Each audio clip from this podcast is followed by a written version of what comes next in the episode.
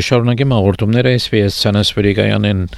Աժամանդատարնամ անցյալ շաբաթվա կարևոր իրադարձություններուն սկսելով շարունակվող լարված գացութենեն Երուսաղեմի Բադրիարքարանի մեջ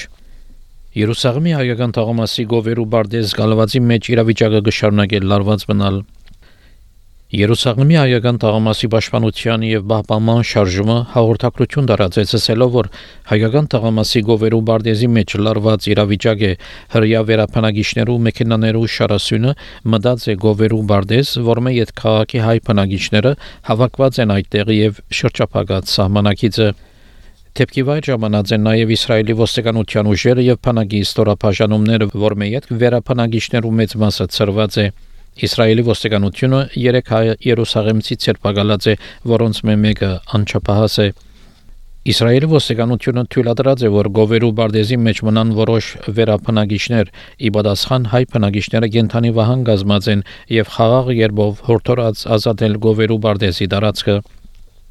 Մինչ այն Երուսաղեմի հայոց պատիակարանը հրադապ հաղորդակցություն հրաբարագեց ասելով, որ քոյապանական սպառնալիքի դակ է։ Բադիակարանի հրադապ հաղորդակցության մեջ գրված է, որ Երուսաղեմի հայոց բադիակարանը հավանաբար 1600 տարվա պատմության ընթացքին ամենամեծ քոյապանական սպառնալիքի տակ կգտնվի։ Ոչ միայն հայ համայնքի, այլ այս քոյապանական տարածքային սպառնալիքը ամբողջությամբ կդարածվի Երուսաղեմի բոլոր քրիստոնյա համայնքներում վրա, նշված է Բադիակարանի հաղորդակցության մեջ անդրադառնալով Գովերու Բարդեզի մեջ ստեղծված իրավիճակին։ Հաղորդակցության ամացայն հայոց պատիարքարանը չեղարգած էր գովերու բարտեզին առնչվող պայմանակիրը,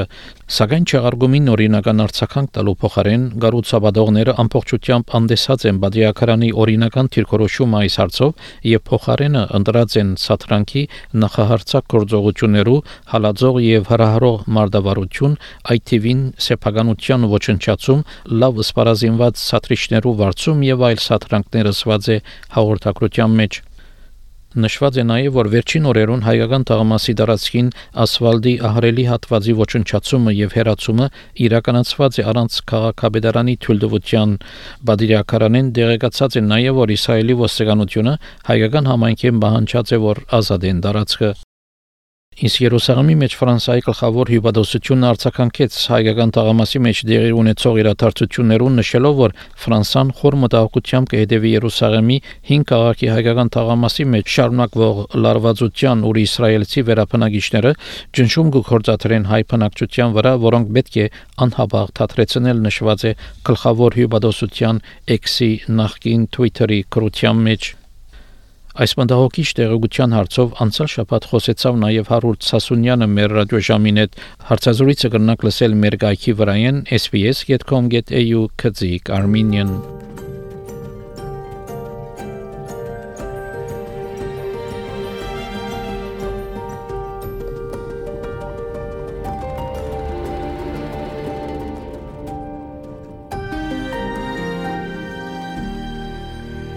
Վերջին շաբաթներուն հայկական թե միջազգային մամուլի մեջ հոդվածներ հրաբարակվեցան այն մասին, որ Հայաստանը սկսած է պաշտպանական սպառազինություն կնել Հնդկաստանեն եւ Ֆրանսիային։ Ադրբեջան ամիջապես սկսավ մեծ աղմուկ բարձրացնել, որ Հայաստանի քնած սպառազինությունը պիտի անգայունացնե շրջանը, մինչ միևնույն ժամանակաշրջանին Ադրբեջան միլիարդավոր դոլարներու հարցակողական սպառազինություն կքնե Իսրայելեն եւ Թուրքիային։ Այժմ լսենք Հայաստանի հոմեկ հանրային հերադեսելի հաղորդում այս հարցով ինչ տեսակի, ինչ ծավալի կամ որտեղից կարելի է զենք զինամթերք գնել։ Առաջին հայացքից պատասխանը པարզ է, պետությունը ինքն է որոշում։ Սակայն միտքը եւ փաստը, որ Հայաստանը ձեռք է բերում անհրաժեշտ զենք զինամթերքը այն երկրներից, որոնք պատրաստ են այս պահին գործակցել, հունից հանում է Ադրբեջանին։ 2020 թվականից հետո մի շարք հանգամանքներ ստիպեցին Հայաստանին դիվերսիֆիկացնել մեր երկրի անվտանգային քաղաքականությունը։ Նախ 44 օրյա պատերազմից հետո Ադրբեջանը մի քանի անգամ ագրեսիայի դիմեց եւ օկուպացրեց Հայաստանի սուվերեն տարածքից շուրջ 150 քառակուսի կիլոմետր։ 2021-ի մայիսի 14-ին ադրբեջանական ներխուժումից 2 օր հետո Հայաստանը պաշտոնապես դիմեց անվտանգային դաշինքին, որի մաս է կազմում եւ որի պարտավորությունն է անդամ պետությունների անվտանգության ապահովումը։ Այդ ժամանակվա ՀԱՊԿ գլխավոր քարտուղար Ստանիսլավ Զասն ավելի ուշ պարզաբանեց. Հայաստանի հարավում իրավիճակի սրումը սահմանային միջադեպ է եւ չի համապատասխանում ՀԱՊԿ հավաքական պաշտպանության պաշտպանության կանոնադրության դրույթներին։ ՀԱՊԿ ներուժն օգտագործվում է միայն ագրեսիայի հարձակման դեպքում։ Հայաստանը երկրորդ անգամ ՀԱՊԿ-ին պաշտոնապես դիմեց 2022-ի սեպտեմբերի 14-ին։ Սրանի պատասխանել ԶԱՍ-ը հայտարարեց, թե մշակվել է Հայաստանին օգնելու 6 կետից բաղկացած միջոցառումների փաթեթ։ Այն ներառում է լրացուցիչ, քաղաքական եւ դիվանագիտական աշխատանք։ Դաշինքից ռազմական օգնություն այդպես էլ չհետևեց։ Մինչև օրս չի կատարվել նաեւ դաշնակից երկրի ստանձնած սպառազինության մատակարարման պարտավորությունը։ Խոսքը ոչ պաշտոնական տվյալներով 250 միլիոն դոլարի գործարքի մասին է, որն օթում կախված է մնացել։ Այս հանգամանքները ստիպեցին Հայաստանին նոր գործընկերներ փնտրել։ Հայաստան այս պայմանի հարաբերություններն ինչպես նշեցինք զարգացնում Իրանի հետ, Հայաստանը ինտենսիվ ռազմական համագործակցություն ունի Հնդկաստանի հետ եւ Հայաստան համագործակցություն ունի արևմտյան երկրների հետ, նամանավանդ Ֆրանսիայի հետ այս վերջերս ռազմական մեծ առաջընթաց են գրանցել։ Ֆրանսիայի հետ ռազմական հարաբերություններն ամրագրվեցին հոկտեմբերի 23-ին երկկողմ գործակցության մասին փաստաթղթերի ստորագրմամբ, որոնց թվում է ռազմական ոլորտում համագործակցության մասին պայմանագիրը։ Օրեր առաջ համացանցում տեղեկություն հայտնվեց, որ Վրաստան են հասել ֆրանսիական Բաստիոն զրահամեքենաները, որոնք նախատեսված են Հայաստանի համար։ Բաքուն մեջբերում եմ խստորեն դատապարտում է Ֆրանսիայի ռազմական տեխնիկայի մատակարարումը Հայաստանին։ Զրպարտող հակաադրբեջանական արշավի ֆոնին Հայաստանի ռազմականացման եւ տարածաշրջանն ապակայունացնելու ֆրանսիական քաղաքականությունը վկայում է, որ Փարիզը տարածաշրջանում սխալ շահեր ունի։ Հայաստանն ու Ֆրանսիան պետք է վերջ դնեն տարածաշրջանի զինման եւ ռազմականացման քաղաքականությանը։ Այս երկրները պետք է վերջապես հասկանան, որ տարածաշրջանում խաղաղությունն ու գործակցությունն այլընտրանք չունեն։ Ինչ որ Հայաստանը ձեռք է բերել դա Ադրբեջանին ընդհանրապես պետք է չանհանգստացնել, որովհետեւ դա տրանսպորտային միջոց է, որը ապահովում է նրա մեջ գտնվող անձնակազմի ըստ էության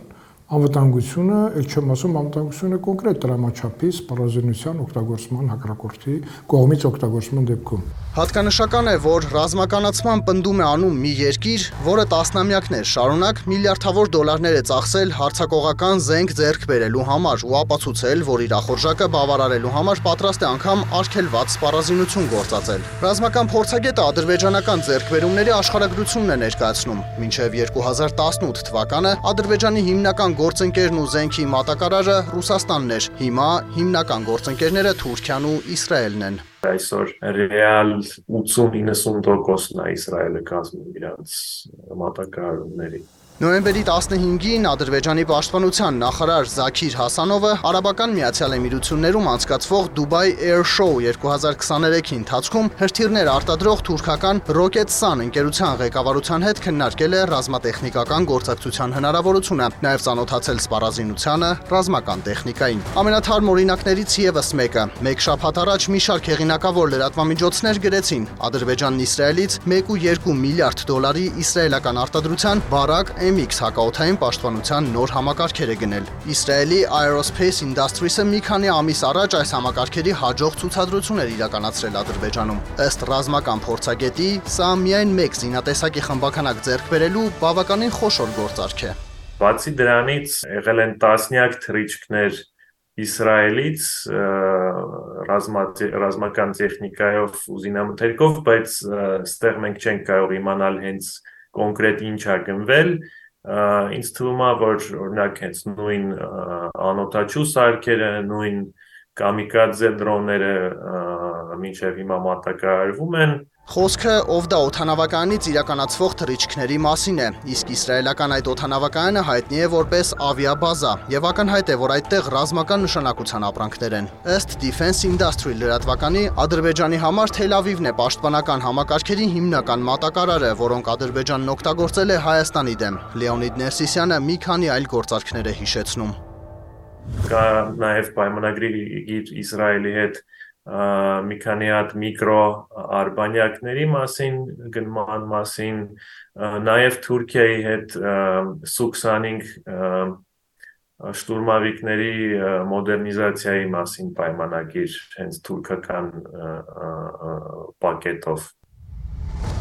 Հոկտեմբերին ադրբեջանական լրատվամիջոցները հղում անելով Թուրքիայում Ադրբեջանի դեսպանությանը տեղեկություն տարածեցին, որ Ադրբեջանի զինված ուժերի զինծառայողների մի խումբ ավարտել է Թուրքիայում Բայկար ընկերության կազմակերպած ԱՔՆՋ անօթաչու թռչող սարքերի կառավարման դասընթացը։ Նշվում է, որ զինծառայողները յուրացրել են Բայրակթար ԱՔՆՋ հարվածային ԱԹՍ-ի ղեկավարման հմտությունները։ Բաքուն մեծացնում է նաև ռազմական բյուջեն եւ օրինակ հաջորդ տարվա համար նախատեսել են 3.8 միլիարդ դոլար, 6%-ով ավելի ավելի քան այս տարի է։ Դա ռեկորդային թիվ է։ Ձեր էկրաններին Հայաստանի ու Ադրբեջանի ռազմական ծախսերն են Արցախյան առաջին պատերազմից հետո։ Եթե 1995-ից 2005-ն ընկած ժամանակահատվածում ռազմական ծախսերի տարբերությունը շատ չէր, 2006-ից իրավիճակը շեշտակի փոխվեց։ Ադրբեջանը զինվում էր անկասելի արագությամբ։ 1994-ի հաղթանակից հետո մինչև 44-օրյա պատերազմը Հայաստանը մոտ 9 միլիարդ դոլար է ծախսել ռազմական եւ պաշտպանական ոլորտի վրա։ Ադրբեջանն այդ ընթացքում շուրջ 45 միլիարդ դոլար դոլար։ Փաշինյանի կառավարման տարիներին Հայաստանը թեև աստիճանաբար ավելացնում է ռազմական բյուջեն, Ադրբեջանի մեծ առավելությունը միևնույն է պահպանվում է։ Հիմա մի քիչ այդ իրավիճակը մի քիչ փոփոխվել է, Հայաստանի բյուջեն 1.4 միլիարդ է նախատեսված մյուս տարվա համար, բայց դա մեկը համարյա 3 անգամ ավել է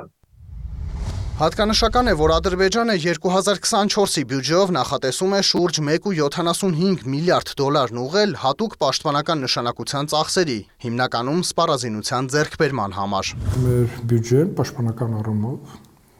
առնչվում է ստեցիոն պաշտպանական զենքերին եւ ոչ այն ծավալով, ինչ ծավալով նույն Ադրբեջանը ձեռքաբերում սպառազինություն, չգիտեմ ինչ նպատակների համար։ Բնականաբար մեր երկրի առաջընթաց եւ խաղաղության հասնելու համար երկիրը պետք է լինի պաշտպանված հարցակողական զենքերի արկայությունը այսօր որ անհանգստացնի ձեռքբերման կառուցվածքի մեջ ադրբեջանական կողմին իմ համար դեռ տեսանելի չի Ազգային ժողովի պաշտպանության եւ անվտանգության հարցերի մշտական հանձնաժողովի նախագահ Անդրանիկ Քոչարյանն Ադրբեջանի մեղադրանքները համարում է խաղաղության պայմանագրի ստորագրումը ձգձգելու հերթական քայլ։ Միլիտարիզացիայի ճանապարհին Բաքուն չի մոռանում նաեւ խոչընդոտներ ստեղծելու մասին, քանի որ իր քաղաքականությունն է, որ իր բանակը պետք է զինվի, հայկականը ոչ։ Ճնշումները թե դիվանագիտական ճանապարհով են արվում, թե լոգիստիկ։ Քաղաքագետը հայկական կողմի անհրաժեշտ քայլերի իր տեսակետն է ներկայացնում։ Նախ եւ առաջ մենք պետքա պրոակտիվ եւ բավականին ագրեսիվ արտաքին քաղաքականության մեջ վարենք այդ գիծը եւ Ադրբեջանի կողմից ցանկացած զենք զինամթերք հարցակողական թե պաշտպանողական ձեռքբերելու պարագայում իսկ Ադրբեջանը հիմնականում ձեռք է բերում հարցակողական զինատեսակներ, որովհետեւ անօթաչու թրջող սարքերը հրթիռային միջոցները դրանք բոլորը հարցակողական զինատեսակներ են։ Այդ բոլոր պարագաներում մեր բոլոր դեսպանատները, չգիտեմ, դիվանագիտական ներկայացությունները, հայկական համայնք համայնքների միավորները պետք է աղմուկ բարձրացնեն եւ հայտարարեն, որ Ադրբեջանը շարունակում է իր միլիտարիզացիան, իր ուրեմն ագրեսիվ քաղաքականությունը Հայաստանը մեկ անգամ չէ, որ հայտարարել է. Տարածքային պահանջներ չունի ոչ մի երկրի նկատմամբ եւ հակառակը մտավախություն կա, որ նման պահանջներ ունի պաշտոնական Բաքուն։ Իսկ նույնիսկ պետք է բորելի հետ աշխատել նաև Վրաստանի ուղղությամբ, որպեսզի Վրաստանով է սահմանափակվի առնվազն հարցակողական զինատեսակների ներկրումը Ադրբեջանի։ Իսկ Ադրբեջանը իր զինատեսակները ներկրում է հիմնականում հենց Վրաստանի օթային տարածքով, կամ նույնիսկ ցամաքային տարածքով, հա։ Այսինքն այն ամենը ինչ որ անում է Ադրբեջանը կարող ենք անել նաև մենք այլ գործիքակազմերով կամ եթե օրինակ Իրանի տարածքով այդ ամեն ինչ արվում եթե մենք ենք անում իրեն կանչում են օրինակ Իրան իսկ իրենք ինչի չեն կանչում երբ որ Ադրբեջանը Իրանի տարածքով զենք զինամթերք աներ կրում Այսինքն այս բոլոր ուղղություններում ինչպես որ իրենք են աշխատում առնվազն հայլիային իսկ ավելի լավ անունից շատ ավելի կրեատիվ մենք էլ աշխատենք Թե չէ հակառակ դեպքում ստացվում Ադրբեջանի զինվել կարելի է, մեզ չի կարելի։ Իսկ ինչպես կարելի է պայքարել լոգիստիկ խոչընդոտների դեմ։ Հնարավորինս շատ արտաքին աշխարհում բարեկամներ ունենալն է, հատկապես հարևանների մեջ, հատկապես հարևաններ, որոնք մեր արժև լոգիստիկ հնարավորությունները չեն փակի, որովհետև նրանք պետք է գիտակցեն առաջին հերթին, որ մեր երկրի նաև իրավունքների իրավասությունների մեջ է պաշտպանական խնդիրները պատշաճ մակարդակի բերելու, պահպանելու եւ երկրի պաշտպանությունը ավելի բարձր մակարդակի հասցնելու առումով Սպառազինության բալանսը Հայաստանի եւ Ադրբեջանի միջև խախտված է եղել տասնյակ տարիներ ու շարունակում է խախտված մնալ։ Անդրանիկ Քոչարյանի խոսքով հենց այդ դիսբալանսն է հանգեցրել քարորյա 44-օրյա պատերազմներին։ Բացի այդ, Հայաստանի ձեռքբերումները երբեք չեն հակասել որևէ կոնվենցիայի։ Մենք որևէ խախտ ման արձանագրում չունենք, որ մենք խախտել ենք որևէ քվոտավորված զինատեսակների չափաբաժին, չկա այդպիսի բան։ Նախկինում էլ չի եղել։ Հիմա այս ամբողջի մեջ մենք ունենք արձանագրած 44 օրյա պատերազմի ելքերը, այո, Ադրբեջանը այդ պատերազմում հաջողություն արձանագրել եւ փորձում է միջև այդ հաջողությունը օգտագործի մեծ թույլ վիճակում պահելու եւ իր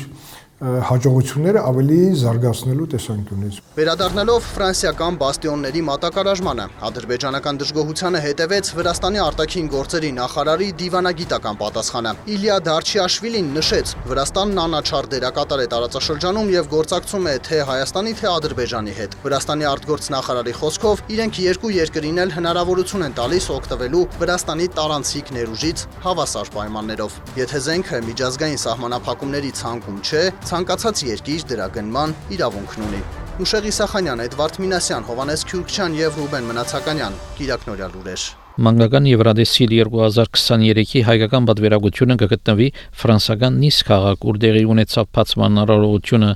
երկի մրցույթին Հայաստանը կներկայացնե Young Girls խումբը Do It My Way երգով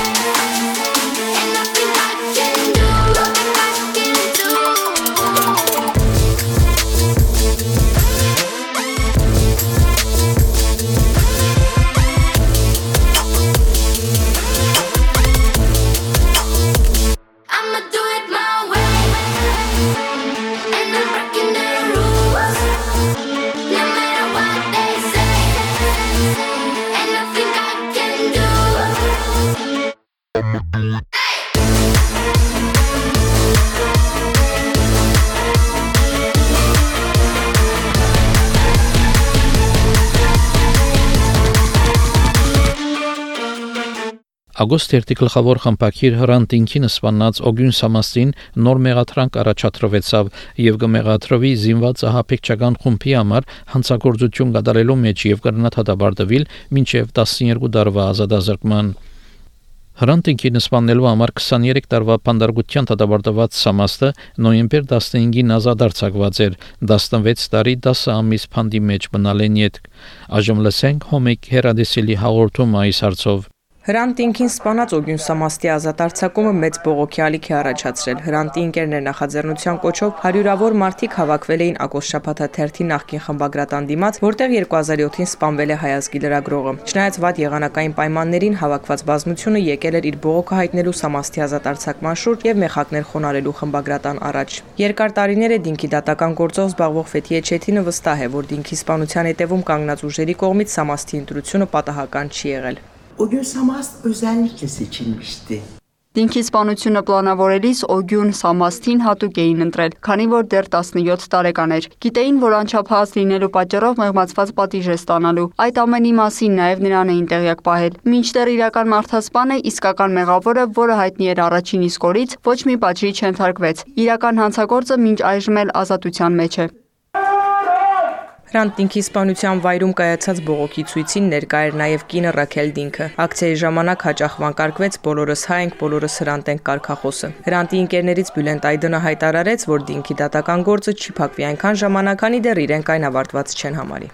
Հրանտինք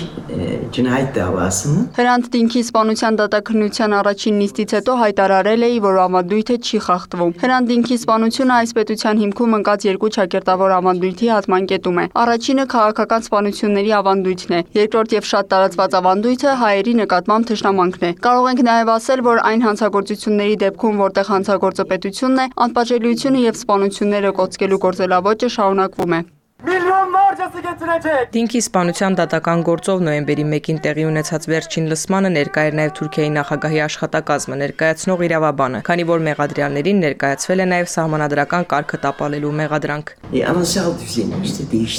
Սահմանադրական կարգին չընթարկվող սահմանադրության համաձայն չգործող սահմանադրության կարևոր կետերն անտեսող սահմանադրական դատարանի միեդի որոշումները չիրականացնող նախագահական գրասենյակը ներգրավվել է դատական գործին։ Ծայրաստիճան հեգնական եւ վիրավորական իրավիճակ է։ Դինքի մարդասպանի ազատարձակման օրը Ստամբուլում տարբեր խմբերի կուսակցությունների կոչով մի քանի բողոքի ակցիա կայացավ։ Սպանությունից տարիներ անց իրական մեղավորների անպատժելիության մտնոլորտում այս որոշումը Թուրքիայի ժողովրդավար շրջանակների զայրույթն է առաջացրել։ Իրավապաշտպան Ֆեթիե Չեթինը վստահեցնում է, չնայած ամեն ինչի շարունակելու են իրավական պայքարը ձեռք բերված հիմնարար ապացույցներն օգտագործելով։ Վարդուհի Բալյան, Սեչկին Բարբարոս, Ստամբուլ, Թուրքիա։